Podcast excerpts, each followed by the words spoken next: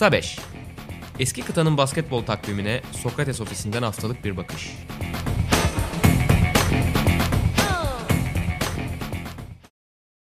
Merhabalar, Sokrates'in Euroleague Podcast'i Kısa 5'in yeni bölümüne hoş geldiniz. Bu bölümde ben Burak Balaban, sevgili Utkan Şahin'le beraber ee, yine bir konsept bölüm yapacağız. Euroleague'de modern döneme damga vurmuş Amerikalılardan seçtiklerimizi konuşacağız ama öncesinde biraz da gündeme değineceğiz bugün. Çünkü hem Jordi Bartomeu Euroleague CEO'su hem de Anadolu Efes Genel Direktörü Alper Yılmaz'ın açıklamaları oldu podcast'i kaydetmeden bir gün önce. O yüzden biraz güncelle başlayacağız. Sonrasında yine konsepte döneceğiz. Utkan selamlar, hoş geldin.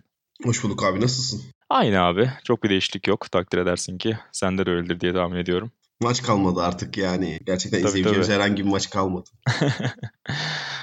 Dibini sıyırdık nostaljinin. Bakalım. Ee, evet. İyi haberleri bekliyoruz yavaş yavaş. Ee, engellerin azalmasını bekliyoruz herkes için. Vakit kaybetmeden Bertomo ile başlayalım istersen. Euroleague CEO'su dün online bir basın toplantısı düzenledi. Sorularını da cevapladı hı hı. kıta genelinden basın mensuplarının. Benim için en etkileyici daha doğrusu en somut veri olarak öne sürülen öneri Final Eight önerisiydi. Onunla başlayalım istersen. Hı hı. Çünkü farklı ihtimaller tek bir şehirde maçların oynanması yine dile getirdi Bartimeo ama bu daha önce basına yansımıştı. Final Eight ihtimali yani Final Four gibi playoff eşleşmelerinde tek maç üzerinden geçebilecek. Bu sayede aslında 5 gün içerisinde son 8 takımı şampiyonluğa gidecek o yolu çizebilecek bir sistemden bahsetti ilk defa Bertomeu.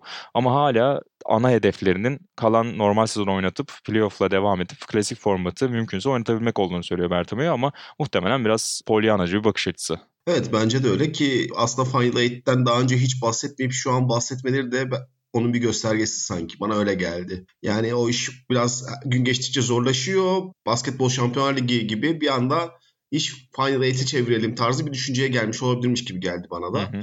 Ama biliyorsun Basketbol Şampiyonlar Ligi Eylül ayına atmıştı turnuvayı. Bilmiyorum o kadar çok atılabilir mi? Çünkü İspanya'da işler biraz karışık. Ben dün bir haber okudum. Oyuncular kontratlarının Temmuz ortası gibi bitmesini istiyorlarmış. Yani sözleşmesi hı hı. bitecek oyuncular. O açıdan Eylül'e atmak zor olacak. Euroleague için. Öyle bir problem var ama ben bu işin giderek olmasını imkansızlaştığını ve sezonun bu şekilde bitirileceğini yani Euroleague bunu konuşmasa da bu şekilde bitirileceğini düşünüyorum. Ee, ki sezon tahminlerimizden hemen önce onu da ekleyeyim. Eylül ile alakalı da konuştu Bertomeu. Çok gerçekçi görmediğini söyledi. Biraz senin bahsettiğin sebeplerden, oyuncu kontratlarının da işin içinde olduğu sebeplerden ötürü diğer sezonu 2020-2021'i etkileyeceğini söyledi Eylül-Ekim senaryolarının. O yüzden Temmuz sonundan daha öteye gidemeyiz dedi.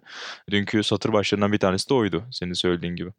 Evet ve yani dün e, Alper Bey'in toplantısında da konuşulmuştu hatırlarsın. Amerikalı oyuncuların gelip gelemeyeceği çok belirsiz. Bu da bence devam etmeye dair bir soru işareti yaratıyor. Amerikalı oyuncuları getiremezseniz oynattığınız şeyin bir anlamı olmayacak çünkü adaletli olmayacak. E, zannediyorum Zalgiris'in genel menajeri söylemişti bunu. Yani biz tam bir takım uyumu yakaladık. Sezona çok kötü girmişlerdi hatırlarsın. Amerikalısız devam edersek aynı şekilde devam etmeyecek demişti. Bir takım bile getiremezse, iki takım bile getiremezse bu böyle ki bu açıdan çok adaletsiz olacak. O açıdan ben sezon devam etme ihtimalinin e, önümüzde göremediğimiz için yani bu iş atıyorum Temmuz'da bitecek ya da Haziran'da bitecek de diyemediğimiz için çok zor olduğunu düşünüyorum. Euroleague her ne kadar bunu kabul etmek istemese de. Bana da öyle geliyor ki şunu söylüyor ısrarla Bertomo yani oyuncuların işte hakemlerin tüm unsurların %100 sağlık garantisini biz görmediğimiz sürece başlatmayacağız. Bunu 4-5 kere söyledi dünkü basın toplantısında okuyabildiğimiz kadarıyla. Hı hı hal böyleyken yani çok da dinamik bir senaryo var. Yani geçtiğimiz haftayla bugün arasında dağlar kadar fark var. Ondan iki hafta önceyle zaten öyle. Önümüzdeki hafta ne olacağını tam olarak bilmiyoruz. Biz bu podcast kaydederken mesela İtalya ve İspanya'da yavaş yavaş tam karantina sürecinin yavaş yavaş azaltıldığını belli şartlar altında işte belli mağazaların belli dükkanların açılmaya başladığını okuyoruz haberlerden ama kıta Avrupa'sının tabii hangi bölgeleri hangi zaman çizelgesine göre ilerleyecek ya da bazı ülkeler tam rahatlamaya başlamışken bazı diğer ülkelerde işler daha da kötüye gidecek mi? Tüm bunlar gün be gün değişirken dediğin gibi planlama yapmak çok zor. Çünkü şöyle de bir şey var. Bizim Mayıs sonuna doğru karar vermemiz gerekiyor dedi Bertomeu ki bahsettiğin gibi Alper abi de Alper Yılmaz da bundan bahsetti. Mayıs sonuna doğru ne yapacağımızı bizim görmemiz gerekiyor dedi. Bunun da temel nedenlerinden bir tanesi 31 günlük bir süre zarfı belirtildi. Hem Alper Yılmaz bundan bahsetti hem de Bertomeu bahsetti. Bu nedir? Şöyle 3 gün ilk olarak atıyorum Euroleague dedi ki Mayıs sonunda tamam biz Haziran sonunda ya da Temmuz başında başlatıyoruz şu şu şu formatta. Bunu yaklaşık 31 gün önceden söylemesi gerekiyor. Çünkü 3 günlük bir seyahat süresi belirlenmiş durumda oyuncuların takımlarına katılabilmesi için. Sonrasında 2 haftalık bir karantina süreci olacak. O oyuncular 2 hafta boyunca evlerinden çıkmayacaklar olası bir rahatsızlığa karşı ve sonrasında da iki hafta daha antrenman süresi tanınacak takımlara. Yani ben şunu göremiyorum ya ben bir ay sonra nasıl bir dünyada yaşayacağımızı da göremiyorum şu anda. Ya bence ana problem Tabii. bu. Yani bir ayı geç hatta iki hafta sonrayı bile kestirmek çok güçken bir ay sonrayı 30 gün 31 gün sonra ne olacağını kestirip ona göre bir karar vermek bana da çok kolay gelmiyor açıkçası Utkan. Tek senaryo hani bir şekilde bitirelim hani sponsor veya yayın haklarıyla alakalı belli maddi kaygılar taşırsa eğer Euroleague bir şekilde bitirelim derse bence normal sezonun kalanını oynatamayıp bir şekilde şu anki ilk 8 takımı doğrudan o 5 günlük hani bir Final Eight formatıyla bitirmeyi belki düşünebilirler ama bu da dediğin gibi hem Jalgiris gibi form yakalayıp sezonun sonunu gözüne kestirmiş takımlar için çok büyük bir hayal kırıklığı, haksızlık olacak bir yandan. Bir yandan Efes gibi, Real gibi aslında hani tırnak içinde favori olan takımları adına bir olumsuz senaryo da yaratacak. Çünkü ne olursa olsun 5 maçlık seride daha güçlü olan takımın uzun e, serilerde kazanma ihtimali daha yüksek. Ama tek maçta her şey olabilir neticede. Bu yüzden de bir yandan da favorileri biraz zorlayabilecek bir sistem olabilir Final Eight. Hepsini bir arada düşününce hakikaten işin içinden çıkmak çok zor.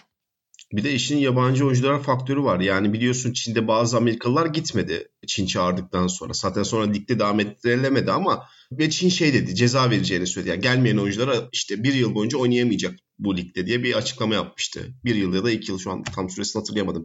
E, aynısı atıyorum Amerikalı bir oyuncu. isim vermeyelim. X takımdan bir Amerikalı oyuncu. Gelmek istemiyorum dedi. Şimdi kimse kızamaz. Sonuçta sağlık Muhakkak. meselesi bu ve aynı yaptırımı Euroleague uygulayacak mı? Aynı zorlamayı yapacak mı? Yapmazsa ne olacak? Bütün bu şartlar konuşulması gerekiyor. Öte yandan ben gerçekten bu işin seyahat açısından çok zor olduğunu düşünüyorum. O için bence çok zor devam etmesi. Birçok problem var. Evet yani. Başladı sen... diyelim arkasından birisi koronavirüsüne yakalandı bir oyuncu. Umarım böyle bir şey olmaz da o zaman bunu oyunculara açıklayamazsınız. Özellikle Amerikalı oyunculara açıklayamazsınız. Güven veremezsiniz geleceğe dair. Çok daha büyük bir krize gider o zaman sezon. Birçok dediğin gibi problem var.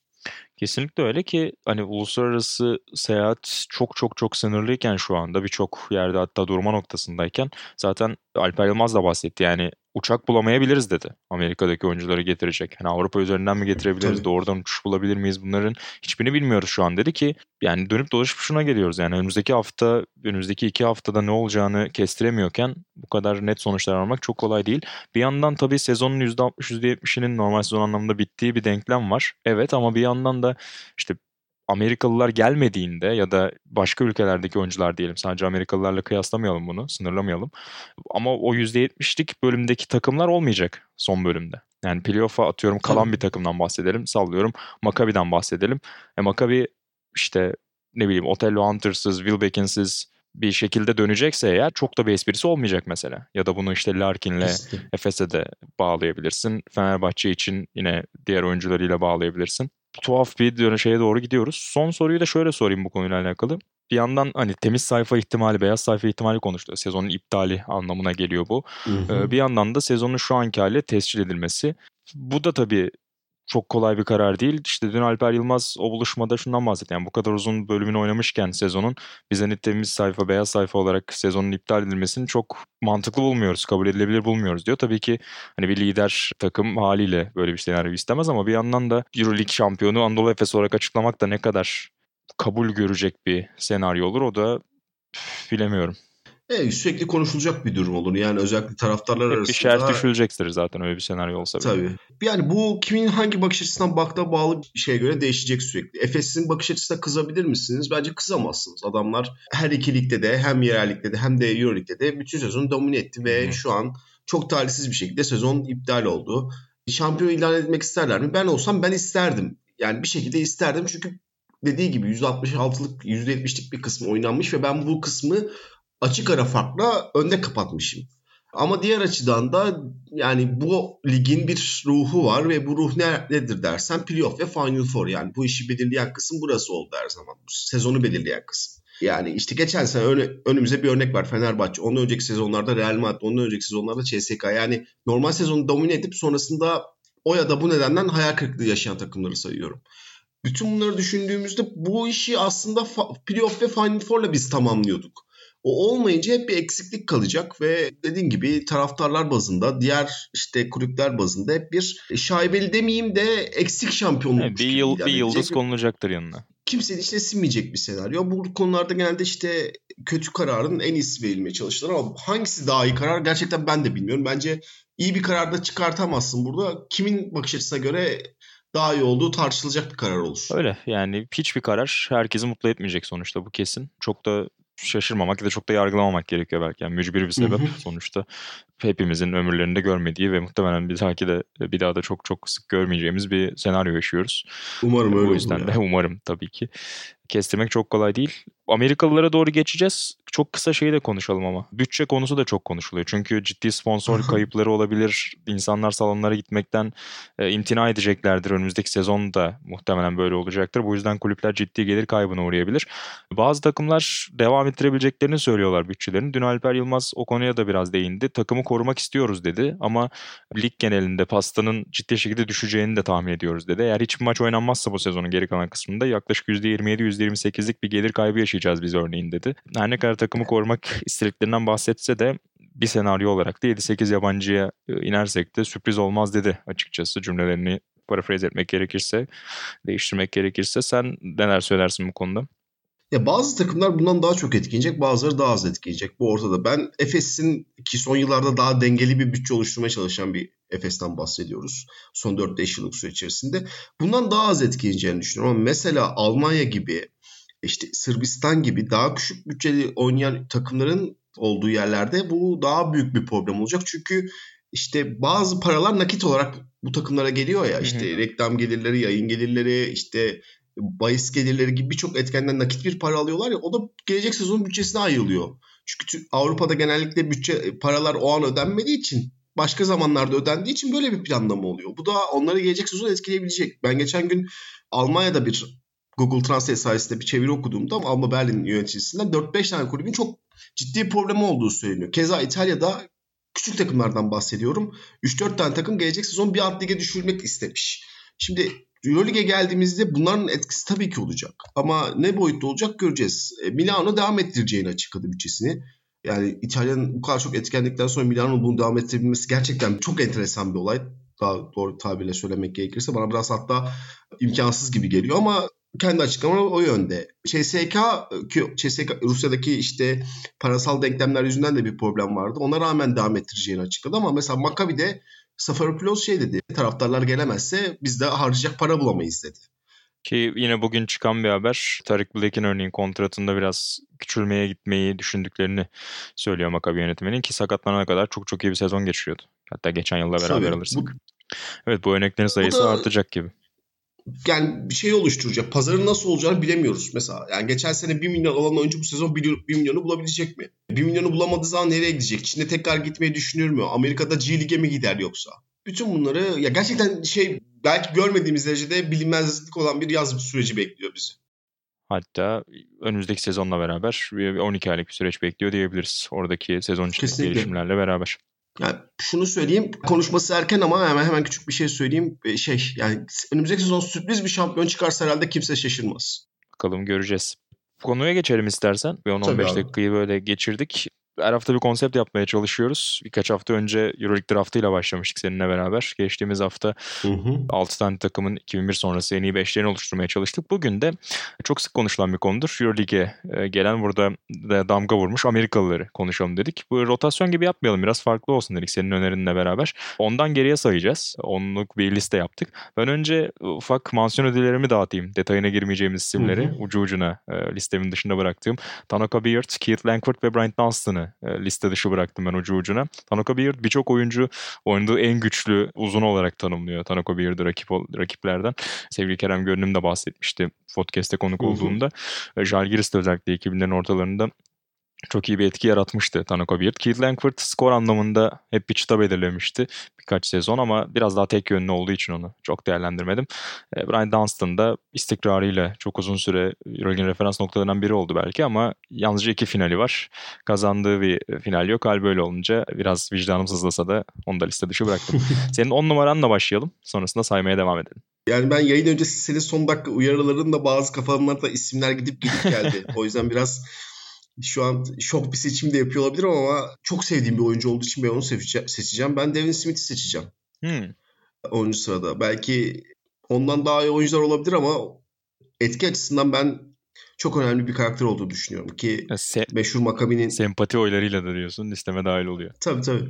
Yani Türkiye'de mesela çok beğenilmemişti hatırlıyorsun. Çok eleştirilmişti transferi. Sonrasında Belat'ına gitti. E, ve oradan sonra Makabi'ye geçtik ki yani Makabi'nin tarihinde birçok oyuncu var. Birçok büyük isim var ama mesela işte geçen gün araştırma yapıyordum gene orada da en çok maça çıkan Amerikalı oyuncu mesela orada. Öyle bir önemi var. Kaptan olmuş bir oyuncu. Ama her şeyi bırakırsak ben onun oyunun her iki tarafında koyduğu etkiyi, işte 3-4 numaraların üzerine yaptığı değişim başlangıcının çok kritik ve önemli olduğunu düşünüyorum. Çünkü biliyorsun bir dönem ligde 3 ve 4 numaralar arasında sıkışmış çok fazla oyuncu vardı. Hı hı. Ve iki pozisyona da böyle etki edebilmek çok değerliydi. Devin Smith o açıdan çok önemli bir iş yaptı ki şampiyonluk sezonunda da her zaman en çok konuşulan isimler Tyrese Hice'la Ricky Hickman olsa da bence asıl o işin kahramanlarından bir tanesi oydu. Erken de bıraktı basketbolu sakat. Erken demeyeyim de oynayabilecek gibiydi bence ama kendisi istemedi devam etmek ve bıraktı basketbolu. O açıdan ben onu çok da sevdiğim için, oyununu çok da sevdiğim için biraz küçük bir şeyle, sempati eklentisiyle onu sıraya koydum. Sen? Biraz tabii rolleri de orada iyi biçmek gerekiyor. Sadece tüm maçı domine eden, sadece çok sayı atan, çok rebound olan oyunculara mı gideceksiniz? Yoksa biraz daha o kazanma kültürüne daha sahip, daha iyi tamamlayıcıları da listeye alacak mısınız? Bu da tabii önemli bu tür listeler oluştururken. Devon Smith senin de söylediğin gibi çok çok çok iyi bir tamamlayıcıydı. Çok uzun süre zaten Maccabi'de kaldı ama ondan önce de işte hem Fenerbahçe hem Benetton'u e, farklı takımlarda da yine izlemiştik onu. Özel bir figürdü. İyi bir seçim. Benim listemde yok ama yandan onu söyleyeyim ama ben de açılışım açılışı Maccabi ile yapacağım. E, ben daha önceki 2000'lerin başındaki takıma gideceğim ve Masio Baston'u alacağım. Üst üste 3 final oynayan o Maccabi takımının ilk 5 pivotu Masio Boston ve özellikle savunma tarafında yani her büyük maçta, her finalde yaptığı etki çok çok acayip. O takımlar hep tabii ki Sanos Eskevicius'la alınıyor. 2004-2005 şampiyonlukları itibariyle. Anthony Parker'la keza anılıyor. Ama Masio Boston'ın yaptığı etki de pot altı savunmasında. O Maccabi'nin hücum tarafı evet çok etkiliydi ama savunmada da çok istekli, çok e, yıpratan bir ekipti rakibi. Boston da o takımların çok önemli bir parçası. Sonrasında zaten NBA'ye gitti. O yüzden aslında uzun süre anlamında uzun bir kronometresi yok belki. Euroleague'de diğer birçok oyuncuya oranla, yabancıya oranla. Ama Boston'un burada kendi yarattığı etki bence çok çok özeldi. E, o yüzden ben onu değerlendirmek isterim on numarada. Evet yani şimdi gelecek hafta Final Four'ları konuşacağız. O yüzden spoiler vermek istemiyorum ama dediğin gibi gerçekten çok özel bir oyuncu. Yani eğer izlediğinde şaşırtmaya devam ediyor. O dönemki maçlarda. O yüzden gönül rahatlığıyla onu listeme ekledim. Peki 9 numarana geçelim. 9 numaraya ben Marcus Brown'u koydum. Güzel. Benim de listemde var. Sen açıkla sonra ben numarasını söyleyeyim. ya ben benim işte çocukluk yani 8-9 yaşındaydım ben ilk Efes'i izlediğimde Marcus Brown'u. Galiba şöyle düşünüyorum hala ama ondan onun kadar iyi faal alan bir oyuncu görmedim ben hala. Ki işte bu genellikle e, Yunan oyuncular ve işte İspanyol oyuncular üzerinden çok konuşulur ya hakem aldatma konusunda. Marcus Brown o kadar aldatıyor muydu? Evet yani bu, bu tarz oyuncuların çoğu biraz aldatıyor hakemi ama inanılmaz iyi faal alıyordu adam. Ve saygı duyulması gerekiyor bence bu özellikle. Ben saygı duyuyordum en azından. Durdurulamayan bir skorer gibi geliyordu ki ben işte o zamanlar aklım çok Euroleague'i kestiremediğim için en azından inanılmaz bir oyuncuymuş gibi geliyordu. Sonraları tabii Efes sonra CSK'ya gitti. Ya CSK'nın standartlarına göre iyi bir sezon oynadı ama CSK'nın standartlarına göre başarılı olamadılar ya o sezon. Arkasından Malaga, Zalgiris hep dolaştı ve hep bu ligin özel skorları arasında yer aldı. Yanlış bir hatırlamıyorsam Navarro rekoru kırıncaya kadar 2000 sayıya 2000 sayı barajını geçen ilk isimdi. Doğru. O açıdan çok önemli bir figür olduğundan ben Marcus Brown'u 9. sırada değerlendirmek istedim. Ben biraz daha yukarı koydum Marcus Brown'u sevgili Utkan. Hatta biraz da değil epey yukarı koydum. Ben 4 numaraya koydum Marcus Brown'u. Ee, Oo, Yeri gelmişken oo, oradan da bahsedeyim. Daha çok şey var. Yani aslında sen güzel özetledin. Hala bu arada Euroleague tarihinin yani modern dönemi tabii 2001 sonrasından bahsediyorum. En skorer Amerikalısı çok uzun süre tabii oynamasının da etkisi var elbette ama dediğin gibi Navarro, Spolinis onu geçene kadar genel listenin de en skoreriydi. Yani skor e, üretimi anlamında çok özel bir oyuncuydu ve fizik olarak da mesela bazı skorerler biraz daha cılızdır, kısadır. Hani savunmada ciddi zaaf yaratır ama Marcus Brown fizik olarak o tarafı da biraz kapatabiliyordu. Bir 90'a yakın bir 88 civarında bir boya sahipti zaten. Kalıplıydı da biraz. Ceska'ya gittiğinden bahsettin Efes'ten ki o dönem okuduğum kadarıyla en yüksek Amerikalı kontratıyla, Amerikalı oyuncu kontratıyla gitmişti Marcus Brown. Ligin en özel serbest oyuncusu olmuştu. Yani Marcus Brown'un adı daha da hatta yükseklerde bence alınabilirdi. Hala hani o dönemi yaşayanlar çok büyük saygıyla, sevgiyle anıyor tabii Marcus Brown ama belki Anthony Parker seviyelerine de çıkabilirdi o dönem birkaç şampiyonluk yaşamış olsa Marcus Brown. Özellikle tabii ki 2005 hep akıllarda Moskova'daki Final Four 34 yıl sonra şampiyonluk beklentisiyle Ceska kendi evinde bir Final Four oynuyor ama orada istediğini alamıyor. Ceska sonrasında zaten Marcus Brown o, o Dusan Ivkovic'in takımı dağılıyor. Sonrasında Messina yönetiminde şampiyonluklar yaşanacak ama Marcus Brown o takımlarda olmayacak. Bu öyle düşünüyorum. Yani bir iki şampiyonluğu olsa bence çok daha farklı alınabilirdi Marcus Brown ama ona rağmen ben yine de ilk beşimde yer verdim Brown'a. Evet haklısın ya. O şampiyonluk işi çok belirliyor ki ben listemi ona göre biraz hazırladım. O yüzden ben de biraz geride kaldı. Şimdi Hı-hı. birazdan işte diğer adayları da söylediğinde anlayacaksınız. Ben şampiyonluğu daha öne koydum. O açıdan biraz geride bıraktım. Sen yüzüklerle biraz da o payeleri dağıttın. Evet. 9 numaranı ben söyleyeyim o zaman. Tyze Edney. Tyze Edney'i koydum ben. Ee, aslında onda bir yüzük var ama 2001 öncesi. Yine de ben e, evet. ufak bir hileyle onu da burada anacağım. 99'da e, şampiyon olan Jalgiris kadrosunun en önemli iki oyuncusundan bir tanesiydi. Tyus Edney. Sonrasında zaten e, arada bir NBA sezonu vardı ama onun dışında Benetton'da 4-5 sezonu izledik. 2003 finalinde Messina'nın Benetton'u finale çıkarken tek ayakta kalan oyuncu Barcelona'ya karşı. Hı hı. Onu da anmak lazım. Hani büyük sahnede de hiçbir zaman silmeyen bir oyuncuydu. Biraz tabii fizik olarak kısa. Hı hı. O anlamda kimilerinin hani oyun tarzı anlamında çok beğenmediği bir yapıya sahip olabilir ama o deliciliği çok büyük fark yaratıyor dönem. Yani savunmalar çok daha içeriye gömülüyken, savunmalar çok daha boyalı alanı kapatırken yine de bir yolunu bulabiliyor olması bence etkileyici iddia Zendi'nin durulması çok zor bir skorerdi. Ee, ben onu aldım 9 numarayı. Sende var mıydı? Bende yoktu listede ama olması gereken isimlerden bir tanesi aslına bakarsan. Yani konuşabileceğimiz, senin hemen başlamadan önce saydığın mention ödüllerinde söyleyebileceğimiz isimlerden bir tanesi. Dediğim gibi çok özel bir kısa kısalardan bir tanesiydi. Özel bir liderlik karakteri vardı. O açıdan anlayabiliyorum neden 9. sıraya koydum. Ki 2002'de 2003'te Euroleague'in en iyi 5'ine de seçilmişti aynı zamanda. Hı hı. Onu da anmış olalım. 8 numarayla devam. Ben gene bir şampiyon olamayan ama özel bir skorerden bahsedeceğim. Alfonso Ford. Aa benim de 8 numaramdı. Güzel. Ha, iyi, iyi tesadüf oldu. yani çok erken kaybedildi biliyorsun hmm. Ford. Hmm. Kanser hastasıydı yanlış hatırlamıyorsam. Evet lösemi, lösemi yanılmıyorsam. Ve o açıdan çok belki üzücü bir son oldu onun için. Yani erken bitti hayatı ve kariyeri maalesef. Ama öncesinde çok özel bir skorerdi. Gene sen daha demin belirtmiştin işte Marcus Brown için ödenen parayı onun Olympiakos'a transferi o dönem için inanılmaz bir hmm. e, para. Yaklaşık 9 milyon civarı bir öde şey olduğu söyleniyor. Tabii bu paranın doğruluğunu ben araştırdım. Tam bir şey bulamadım. Gerçekçilik bulamadım ama e, Wikipedia'da öyle bir iddia atılmış ortada ortaya. Ama izlediğimizde de e, duyduklarımız kadarıyla da çok çok özel bir skorer. Takımın tamamen skorunu sırtlayabilen bir isim. Ve o işte Avrupa'da genel bir e, şey algısı vardır ya skorer Amerikalı oyuncu Ford bence o işin ne derler atası gibi bir şey. Yani tabii ki daha öncelerde işte 90 öncesi 80 öncesi bazı oyuncular var ama 2000'leri kapsayacak bir şekilde bir oyuncu söyleyeceksek o olabilir Ford. İşte çok sayı atan, büyük bir skorerli yeteneği olan ama kariyerinde şampiyonluk olmayan bir oyuncu.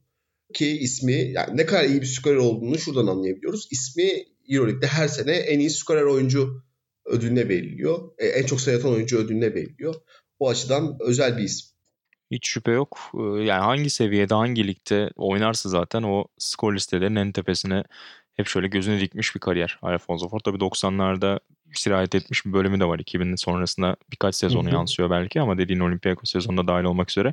Kolejde de mesela yani NCAA'de Division 1 sıralamalarında çok üstte değil. Ondaydı yanılmıyorsam. Hı hı. Ortalamada en fazla skor yapan oyuncular listesinde. Ki o listede işte Pete Maravic'ler falan var. Yani çok özel bir listeden bahsediyoruz. Sonrasında Euroleague'de de yine 2001 ve 2002'de modern dönemin ilk sezonlarında en skorer oyuncu seçilmişti. 2001'de 2003'te yine en iyi takıma seçildi. 2002'de en iyi ikinci takım e, listesindeydi. Yunanistan Ligi'nde hangi takımın olursa olsun işte Papagol olsun, Peristeri olsun hep o skor listelerinin üst tarafındaydı. Çok özel zaten sen güzel özetledin. Çok çok ekstra bir ekleyeceğim bir şey yok. Yalnızca 32 yaşındaydı galiba hayatını kaybettiğinde lösemiden ötürü. O yüzden hep bir buruk anılacak tabii ki. Alfonso Fort tabii. ve onun ortaya koydukları. 7 numaraya geçelim o zaman. Merak ediyorum listeye koydun mu koymadın mı ya da nereye koydun? Ben 7 numarada Shane Larkin'e gidiyorum. Ben de koydum. Ee, ben 6 numarada değerlendirdim Larkin'i. Yakınız. Evet evet yakınız. Yani Larkin tek şanssızlığı benim daha demin açıkta söylediğim gibi şampiyonluğu olmaması. Yoksa ben galiba bir şampiyonluğu olsa yani bu sezon şampiyon olabilse biz seninle bu podcast atıyorum sezon başına çeksek gelecek sezon sezon başına çeksek ben onu 3. sıraya koyardım. Hı hı. Çünkü izlediğim en iyi bireysel sezonu geçirdi. Çok net bu. Evet yani bir 12 yani, aylık bir periyot değerlendirecek olsak herhalde. Geçtiğimiz yılın ortasıyla başlayıp bu ligin iptal edildiği döneme kadarlık periyodu alsak Larkin için herhalde en etkileyici 12 ay onun Euroleague'de. Tabii yani işte, istatistikler de bunu söylüyor. İnanılmaz verimli bir oyuncu. Böyle bir skorerin verimliliğinin düşük olsa yadırgamazsın çünkü e, şey dersin yani adam 25 sayı atıyor, 24 sayı atıyor. Tamam canım biraz da verimliliği düşük olabilir dersin Hı-hı. ama inanılmaz verimli oynayan bir oyuncu. İşte sayı krallığında lider ama arkasındaki ikinci ve üçüncü sıradaki oyunculardan maç başına 3 top daha az kullanarak skorer. Ya da işte konuştuğumuz gibi verimlilik puanında Sabonis'ten beri en iyisi. Yani Birçok onu övebilecek istatistik, o kadar çok övebilecek istatistiğimiz var ki yani say say bitmez. Ve yani gerçekten çılgınca performanslar izledi. Çok şanssız. Ben bir tweet görmüştüm sezon başında. O, en iyi o tweet'e açıkladığını düşünüyorum Larkin'i. İstanbul'da yaşıyorsanız yapabileceğiniz en iyi yatırım 30 liraya gidip Larkin'i izlemekti. Gerçekten çok mantıklı. Yani bir daha gelmeyecek bir şans olabilir böylesi. Ama şanslıyız ki bütün sezon izleme şansımız bulduk ve umarım daha da izlemeye devam ederiz. Ki eğer NBA'ye gitmezse ve Euroleague'de kalırsa yaşını da düşünürsek bundan 4-5 yıl sonra bu program bu tarz bir program yapıldığında kesinlikle en başa yazılacak oyunculardan bir tanesi olabilir. Kesin katılıyorum. Bu cümleyle başlayacaktım ben de. Sen bana söz bırakmadın konuda. Yani hatta 4-5 sezona bile gerek yok bence. Yani iki tam sezon daha doldurursa atıyorum. Yani 2022'ye kadar, 2023'e kadar tabii Euroleague ne kadar oynanabilecek bu arada şu an tabii. Bunları hep farazi konuşuyoruz tabii. ama e, her şey normal döndüğünü düşünelim ve Larkin'in bu performansa yakın, bu sezona yakın iki sezon daha geçirdiğini düşünürsek tabii ki araya şampiyonluk da e, gerekecektir bu tür listelerden bahsederken ama bayağı Anthony Parker'larla, Kyle Hines'larla beraber alınacak. Bence hatta Anthony Parker'la epey bir zirve yarışı içerisine girecektir Larkin'in bu performans. İşin ilginci şey sezonu, Baskonya sezonu çok unutuluyor mesela. Hani o sezon tabii. tabii ki bu listeye girebilecek bir sezon değildi ama komik bir durum. Geçen sezon yani sezon ortalaması olarak bakarsak geçen sezon oranla daha yüksek sayı ortalaması tutturduğu işte daha yüksek e, verimlilik puanına ulaştığı bir sezonu var Baskonya'da. Yani çok kötü değil. Tabii bu biraz geçen sezonun ilk yarısını Florentine geçirmesiyle alakalı Larkin'in hiç şüphesiz. Geçen sezonun ikinci yarısındaki performans çok acayipti ama çok enteresan ya Baskonya'daki işte 3 sayı yüzdesi %30'ların alt sınırlarında dolaşan hani yayın gerisinden pek bir tehdit gibi görünmeyen bir Larkin varken bu yüzdeyi %40'ların üzerine kadar çekti ve zaten dereceliği NBA'de bile ona belli noktalarda fark yaratabilecek bir seviyede. Çok çevik, çok süratli bir oyuncu. Burada zaten Avrupa'da büyük fark yaratıyordu. Bir de ona şut tehdidini eklediği anda zaten herhalde kıtanın gördüğü en durdurulamaz oyuncu haline geldi. Bu sezonun ilk yarısında Lerkin. Bakalım Efes birlikteliği ne kadar devam edecek? Euroleague'de onu daha ne kadar izleyebileceğiz? Hep birlikte göreceğiz. Çok kısa bir şey söyleyeceğim bu Tabii. son söylediğinle ilgili. Bir gün bir genel menajerle konuşuyordum Türkiye'de çalışan ve şutu problemli olan bir Türk oyuncuyla hakkında konuşuyorduk. Bana hmm. şey demişti antrenmanlarda o, o şutun işte kaç defa deniyorsa %90'da sokan bir oyuncu demişti. Ama kuşkusu sebebiyle hayat yani oyuna dair kuşkusu, kendine dair kuşkuları sebebiyle o şutu atamıyor maç sırasında demişti. Hmm. Belki de işte Baskona ile Efes'teki değişimi Larkin'i onun üzerine açıklayabiliriz. Yani kendisi olan kuşkusu ki hmm. biliyorsun bir şey var. E, psikolojik bir rahatsızlık demeyeyim de bir e, şey var yani. Evet, Doğru kelimeyi bulamadım. Kompulsif evet. hı. Aha, doğru kelimeyi bulamadım kusura bakmayın. Belki o kuşkularını kendi dair kuşkularını aştığı için o performanstaki o değişimi gördük. Yani belki her zaman o şutu sokuyordu. Kolejde de sokuyordu, öncesinde de sokuyordu, NBA kariyerinde de sokuyordu. Sokabilirdi en azından. Ama o değişim ona geldi ki e, bilmiyorum işte 20 yıl 30 yıl sonra Larkin konuşulacak bir efsane olursa bu ülkede şey çok garip olacak. Yani bu sezon ortasında Efes'ten gönderilme noktasına gelmiş bir kariyerken bir anda böyle bir yere gelmiş olacak. O da hep böyle bir kaderin cilvesi olarak e, akıllarda kalacak bence. Kesinlikle öyle. Ee, ben J.R. Holden'u yazdım 7 numaraya. Sen de daha yukarılardadır diye tahmin ediyorum J.R. Holden. Evet. Yani bir sıra yukarıda ama o kadar da ha, çok güzel, da değil. güzel. Larkin ne olduğunu yerini değiştirmiş seninle. Yakınız. Yani onu zaten draft programımızda ya da Ceska'dan bahsederken de bolca konuşmuştuk. Ee, Üzerine çok çok e, fazla bir şey söylemeye gerek yok. Tabii saf istatistiklere, pür sayılara baktığında mesela çok inanılmaz sezonlar göremeyebiliyorsun J.R. Holden'da. Yani Ceska'daki hiçbir sezonunda işte ne bileyim 20 sayı ortalama tutturduğu ya da işte verimlilik puanında 20 civarlarına yaklaştığı bir sezon yok mesela J.R. Holden'ın ama zaten çok ihtiyaç da yoktu buna. Yani o Ceska kadroları Tabii. yetenek olarak çok zengin, yetenek havuzu çok geniş takımlardı. Bu yüzden başka şeylere ihtiyaç vardı. Belli noktalarda ağırlık koymasına ihtiyaç duyulan şeyler vardı ve Holden da bunu uzun soluklu bir şekilde çok başarıyla yaptı. Yani 30 yılı aşkın bir şampiyonluk hasreti yaşayan Ceska'ya 2006 ve 2008'de iki şampiyonluk getirdi. Yani insanların aklında o Eurobasket 2007 ve o şampiyonlukla beraber çok farklı bir yerde aslında oldun. Yani birçok insan çok daha yukarılarda belki koyabilir listede olduğunu ama ben biraz daha işte şeye de düşündüm. Yani o büyük sahnedeki performanslar ya bu sadece Holden'ın suçu değil. Ya takımda çok fazla yıldız var ve atıyorum 2006'da işte Şikauskas yumruğunu masaya vuruyor mesela. O çok ağır basıyor. İşte 2008'de Langdon mükemmel bir maç çıkarıyor. Ya da Papalukas her Final Four'da o dönem CSKA adına çok büyük bir etki yapıyor oyunda. Hani tüm on, bu per oyuncularla kıyaslayınca hani Holden'ın o kadar da etkileyici olmadığını görüyorum. Sadece 2009 finalinde bence çok iyi oynuyor. Onda da kaybediyor tabii CSKA. Onu ufak bir şer olarak düştüm. Yani oralarda belki biraz daha olduğundan farklı performanslar görebilsek daha yukarıya da koyabilirdim açıkçası J.R. olduğunu. Ama tüm bu sebeplerden ötürü biraz daha alt tuttum 7 numaraya yazdım.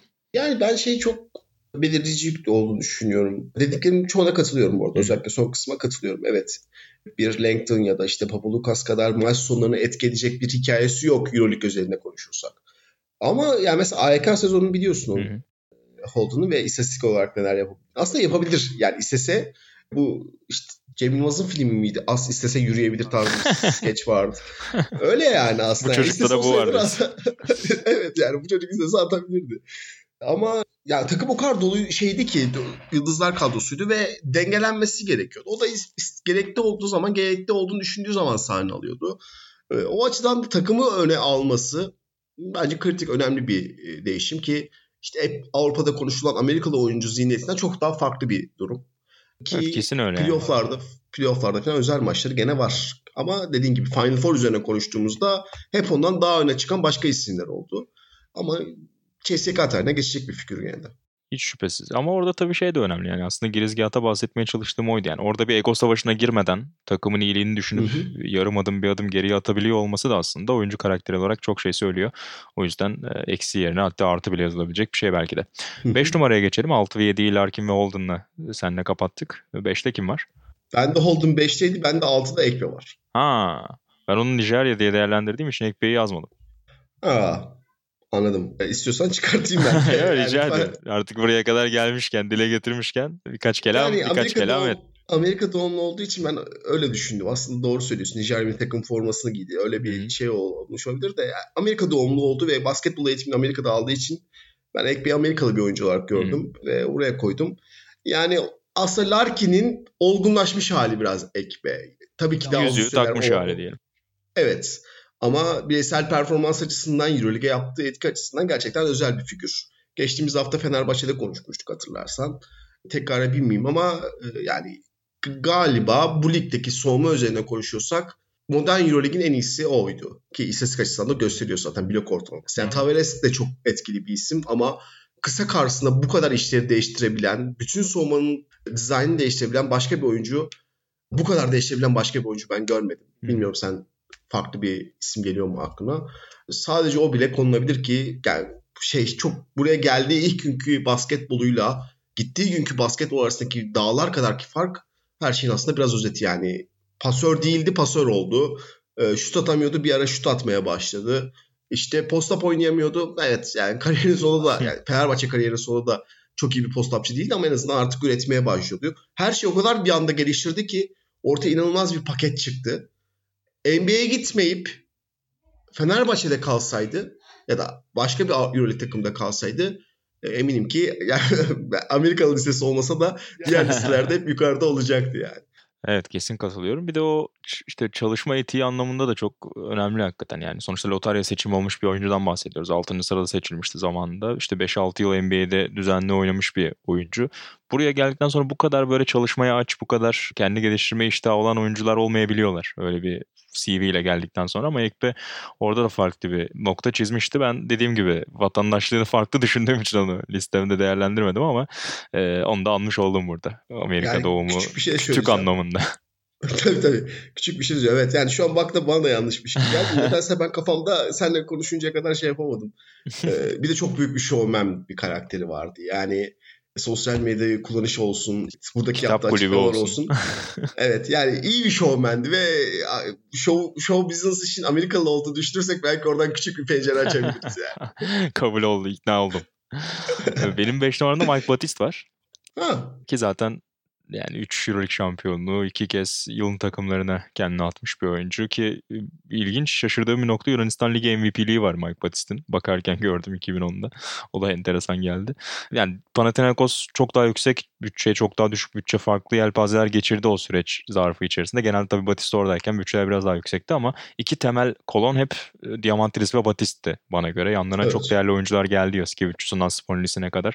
Birçok üst düzey oyuncuyla oynadılar elbette hiç şüphesiz ama Batiste Batista her zaman oradaki temel direklerden bir tanesiydi ve yani 2009 finalinde mesela biraz böyle işler sıkıntıya girmeye başlıyorken maçın sonunda e, sadece bir savunmacı ya da sadece devrilip smaçlayan bir uzun olmadığını da gösteriyor. Alçak posta alıp rakibin üzerine gittiği pozisyonlar, orta mesafeden bulduğu isabetler aslında birçok insanın bence hatırladığından daha komple bir uzundu Mike Batist.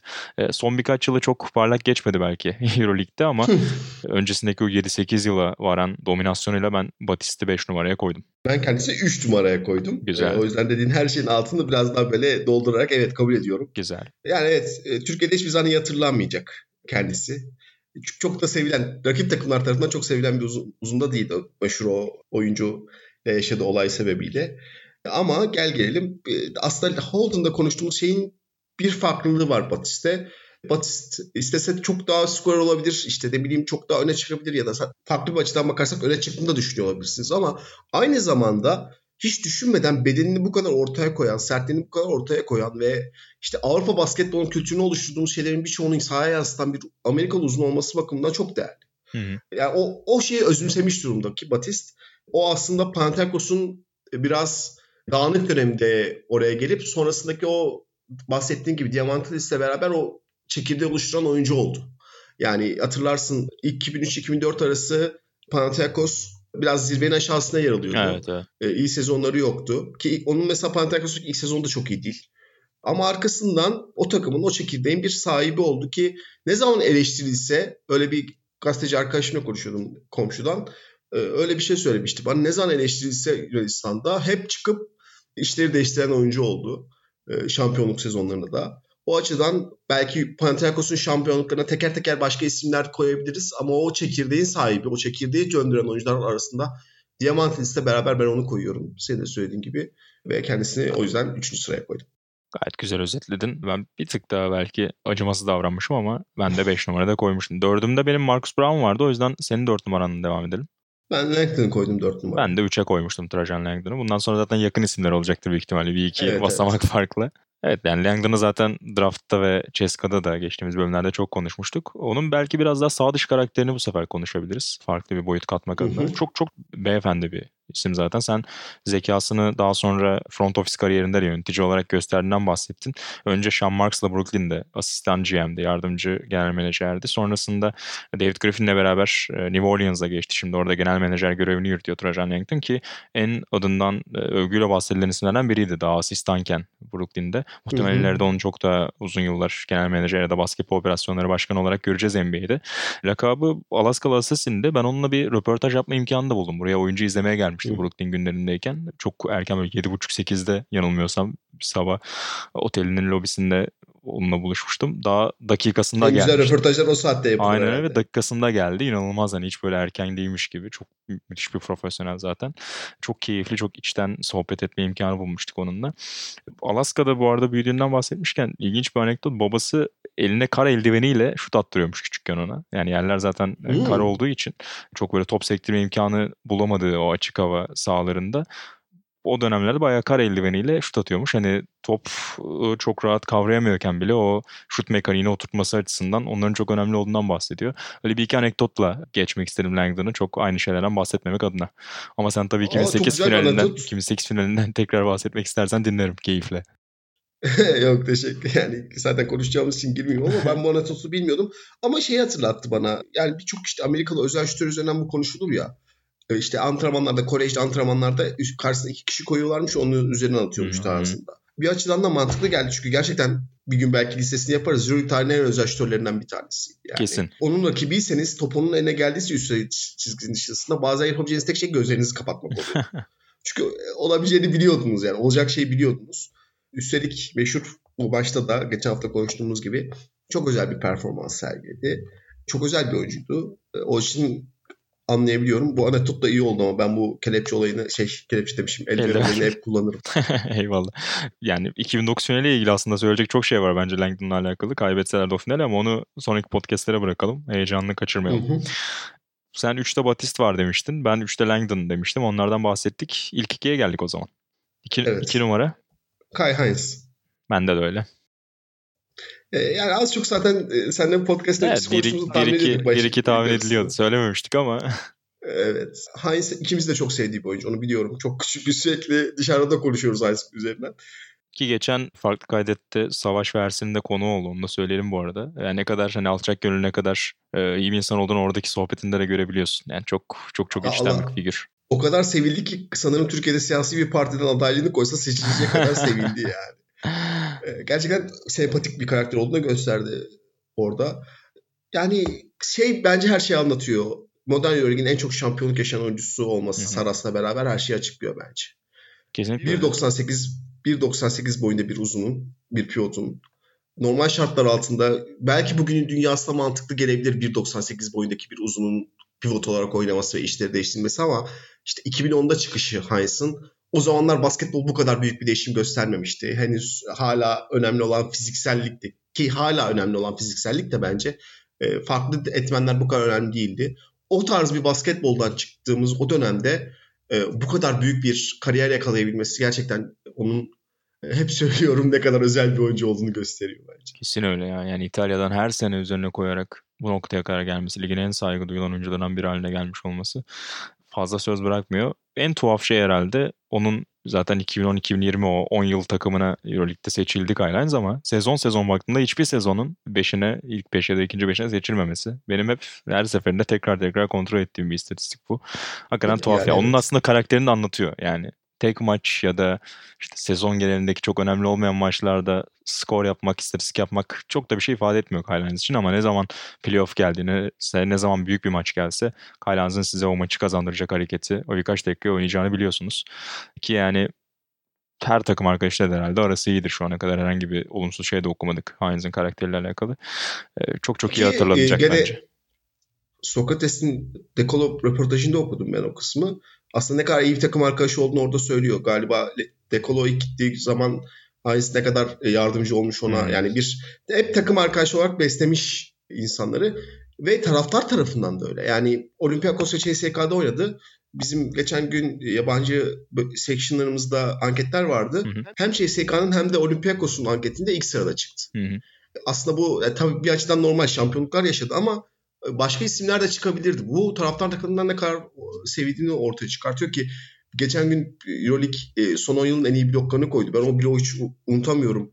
Bir top kaybı sonrası e, yaklaşık Finalde değil 6 mi? adım geriden evet 6 adım geriden ya. gelip yaptığı bir blok. İnanılmaz. Ne kadar önemli bir oyuncu olduğunu bir kez daha gösterdi ki şey hep olmuştur bende. Bir Türk takımı oynadığı zaman ve karşı CSK olduğu zaman hep en çok korktuğum isimlerden bir tanesi Hines olmuştur. Çünkü oyuna girip bir anda bütün oyun akışını değiştirebilen bir oyuncu. Bazen eleştirildi biliyorsun. Geçen sene yaşlandığı düşünülmeye başlanmıştı ki işte CSK'nın uzun rotasyonu hep bir yetersizlikle konuşulur ya. Evet. Her zaman ama ne zaman işler sıkışsa ya da ne zaman takım zor duruma düşse o karakterini ortaya koydu. Bu sezon da öyle. İşte Clyburn sakatlandı ve işte CSK'nın sezonu nereye gidiyor diye düşünülürken belki James kadar konuşulmadı ama çıkıp o takımın liderlerinden bir tanesi olduğunu gösterdi. Hep bence bu ligin figürlerinden birisi olarak anılacak. Şüphesiz öyle. Hele 5. şampiyonluğu kazanırsa. Şüphesiz öyle. Ki yani James gibi zor bir karakteri bile aslında takım arkadaşlar ne kadar iyi e, o uyum sürecini atlatmasını sağladığını da bahsediyor hem James. Yaptığı açıklamalarda söylüyor hem Hines yine geçenlerde değindi. Çok farklı ya çok farklı. Yani sadece takımı saha içinde yaptıkları ya da karakteri değil ya bir pozisyonun değişimin de sembolü tek başına. Yani NBA'de nasıl Draymond Green'e bunu atfedeceksek e, ileride kısa 5 devriminde Avrupa'da da hiç şüphesiz Kyle Hines'a o şerifi atfedeceğiz. E, unutulmayan bir oyuncu olarak kalacak bence. Geçen 10 yılların ardından da. Her ne kadar tek tek sayılara baktığında ileride genç meslektaşlarımız ya da spor severler o kadar büyük bir şey göremeseler de karşılarında. Ve listemizin belki abartıldığını düşünecekler. Ha, evet, yani, o da yani belki bizim abarttığımızı düşünecekler ama ben yani o zaman bunu hemen figür olarak söyleyeceğim. Larkin durdurabilen tek oyuncuydu. Yani Neyse ki video kayıtları söyle... olacak. Heinz'ın dönemi. Evet. Daha eskileri. Bizim çektiğimiz şeyleri çekmeyecekler. Aynen öyle. Peki zirveye gelelim o zaman. Sarı formasıyla muhtemelen geleceğiz zirveye. Yani Anthony Parker herhalde Bu tartışılmaz bir konu. Aynen Hatta öyle. ben işte senle bu podcast'i çekmeden önce liste hazırlarken şey düşündüm. Bazen olur ya bu listelerde Anthony Parker her zaman birinci sırada konulur. Her zaman Hı. o söyletir. Abartıldığını mı düşün? Acaba diye böyle bir soru işareti koydum ya. Belki abartılıyor mu? Yani aslında geçildi mi? Mesela Heinz geçti mi mesela? Diye ben düşündüm. de çok düşündüm. 5 dakika sonra dedim ki hayır Utkan geçmedi. Yani bunu hiç düşünmene gerek yok.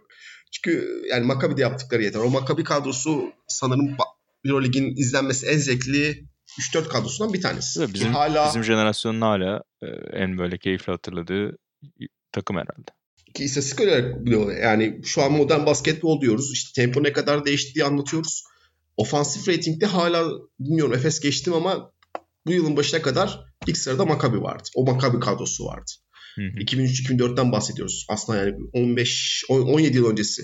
O kadronun işte önemli çek parçalarından bir tanesi. Tam bir yıldızdı. Hı hı. Ee, geçen hafta podcast'te de söylemiştik. İşte LeBron'un Avrupa'daki hali gibiydi. Bu Kültürel fenomendi ya Anthony Parker. Yani biraz evet. o boyutunu da açıklamak lazım. Hatta işte 2004-2006 hayal kırıklıkları yaşarken Amerika milli takım uluslararası turnuvalarda şey fikri doğuyordu. Ben hatırlıyorum okuduğumu. İşte acaba uluslararası liglerde oynayan oyuncuları mı bu işte uyum süreci olması açısından kadroya dahil etsek acaba Anthony Parker'lı bir kadro daha mı hani FIBA'ya uyum sağladığı için fark yaratabilir gibi konular okuyorduk yani. Ki bu ne kadar ekstra bir şey. Ki as yani şu anki Amerika'nın e, Avrupa basketbol bakışıyla o dönemki Avrupa, Amerika'nın Avrupa basketbol bakış arasında çok büyük bir fark var. Hı hı. Daha kabul edebilir durumda şu an. Mesela bu söylediğim fikir belki birkaç yıl sonra tekrar konuşulabilir ama şu an daha hazır buna konuşmaya Amerika. Ama o zamanlar için Avrupa'da oynayan bir oyuncunun böyle bir şey yaşaması çok daha zordu. Böyle bir ünvan hak etmesi. O açıdan çok değerliydi ki çok özel performansları var. Geçen hafta sen gerçi ona bir şer koydun. 2006 finali miydi? Final Four muydu? 2005 finali. 2005 finali üzerinden bir şer koydun ama aynı zamanda 2004'teki şampiyon oldukları sezonda da Final Four tarihin en iyi performansını göstermişti istatistik açısından. E, iki maç üzerinde. Durdurulamıyordu çünkü fiziksel olarak durdurabilmeniz çok da kolay bir oyuncu değildi. Yani çok Avrupa'da bulabileceğiniz tarzda bir oyuncu değildi. Özel bir yetenekti. Her şeyi yapabiliyordu. Orta mesafede Hep yaşıyordu. Bu, orta mesafede yaşıyordu ama o dönemin basketbol için zaten biliyorsun. Bunu bir eleştiri olarak söylemiyorum zaten. Yani o dönem için çok ayrı bir zanaat gerektiren bir şeydi ve onu en büyük, en büyük ustalıkla uygulayan oyuncu da oydu. Ve bence hiçbir zaman Avrupa'ya gelmeye ihtiyacı da yoktu. Tabii biraz kariyerin başı istediği gibi geçmediği için yolu buraya düştü Parker'ın. NBA kariyerinin başı ama sonra gösterdik aslında NBA'de de oynayabilecek bir yetenek. Evet kariyerinin son yıllarını zaten orada geçirdi. Ee, o açıdan ki hep burada şey konuştuk ya böyle olsaydı diye herhalde burada kalsaydı çok çok daha böyle abartarak bahsedeceğimiz bir isim olacaktı. Muhtemelen. O çizgisine yakın kalsa e, başka türlü anabilirdik Parker'ı. Evet. Vallahi yavaş yavaş sürenin sonuna geldik. Eklemek istediğim bir şey kaldı mı Utkan? Listeyi tamamladık. Ya şöyle McCountry'yi konuşmadık. Benim hatam yüzünden bana bırakmıştın sen onu. Onu belki küçük bir Evet ben şey de ucu ucuna listeye almamıştım. Senin listende olabilir diye ona bırakmıştım ama doğru söylüyorsun. O da 2008-2009'da sezonun yeni ilk beşine seçilmişti. İşte F4 yapmıştı Siena ile. Siena'nın son dönemi iflas öncesi. Onu da olun. Daryl McIntyre. Belki şey o da çok kısa bir oyun. 1.76 boyundaydı. Hı-hı. Fiziksel olarak çok şey bir oyuncu değil. E, normal bir Euroleague oyuncusu değil ama o Bobby Dixon etkisi gö- gösteren o isimlerden bir tanesi. Geç de geldi Euroleague'e hatırlarsan 29 yaşında mı ne baş e, geldi Euroleague'e. Ve o iki sezon gerçekten çok etkileyiciydi. Ve büyük an dediğimizde de akıllara gelen isimlerden bir tanesi olur herhalde. Büyük maç ya da Mesela onun bir Panathinaikos playoff serisi ya da Olympiakos playoff serisi olması lazım. Son maçta çıkıp 26 attı. Keza işte 24 attı, 24 sayı ortalamasıyla oynadı. Ya da Malaga'da bir maç sonu vardır onun Real Madrid'de oynadığı. Ki Malaga kariyeri çok kötü geçmesine rağmen o hep Hmm. konuşulur. O son topu kullandı. Çok iyi bir lider olarak hep akıllarda kalacak bir isim. Başka anmak istediğimiz isim kalmadıysa yavaş yavaş kapatabilir süreyi çok aşmadan o zaman. Hemen kapatalım da şeyde ben onu söyleyelim. 2000 öncesini almadığımızı hep söylüyoruz ama yani 2000 öncesini alsak çok özel oyunculardan bahsedebilirdik gene. Yani Çok çok. Yani Bob. McAdoo'lara, Mike D'Antoni'lere falan gidebilirdi. çok listenin eskisi Dominic tabii. Wilkins'i ama evet bunları hep 2001 sonrası yaptığımızı hem daha fazla görüntü olduğu için hem de daha rahat sayıları kıyaslayabildiğimiz için bir kez daha not düşelim. Peki Utkan ağzına sağlık. Sen de ufaktan ipuçlarını verdin. Önümüzdeki haftalarda biraz 2001 sonrası finallerine, Final Four'larına hep beraber göz atacağız. Dönem dönem onları konuşacağız. Oralarla ilgili de notlarınız varsa, merak ettiğiniz konular varsa 2001-2005 arasıyla alakalı özel olarak şimdiden alabiliriz sosyal medya üzerinden. Gerek Utkan'a gerek bana iletebilirsiniz. Hepsini konuşmaya çalışacağız. Ağza sağlık Utkan. Senin abi. Yeniden buluşmak üzere.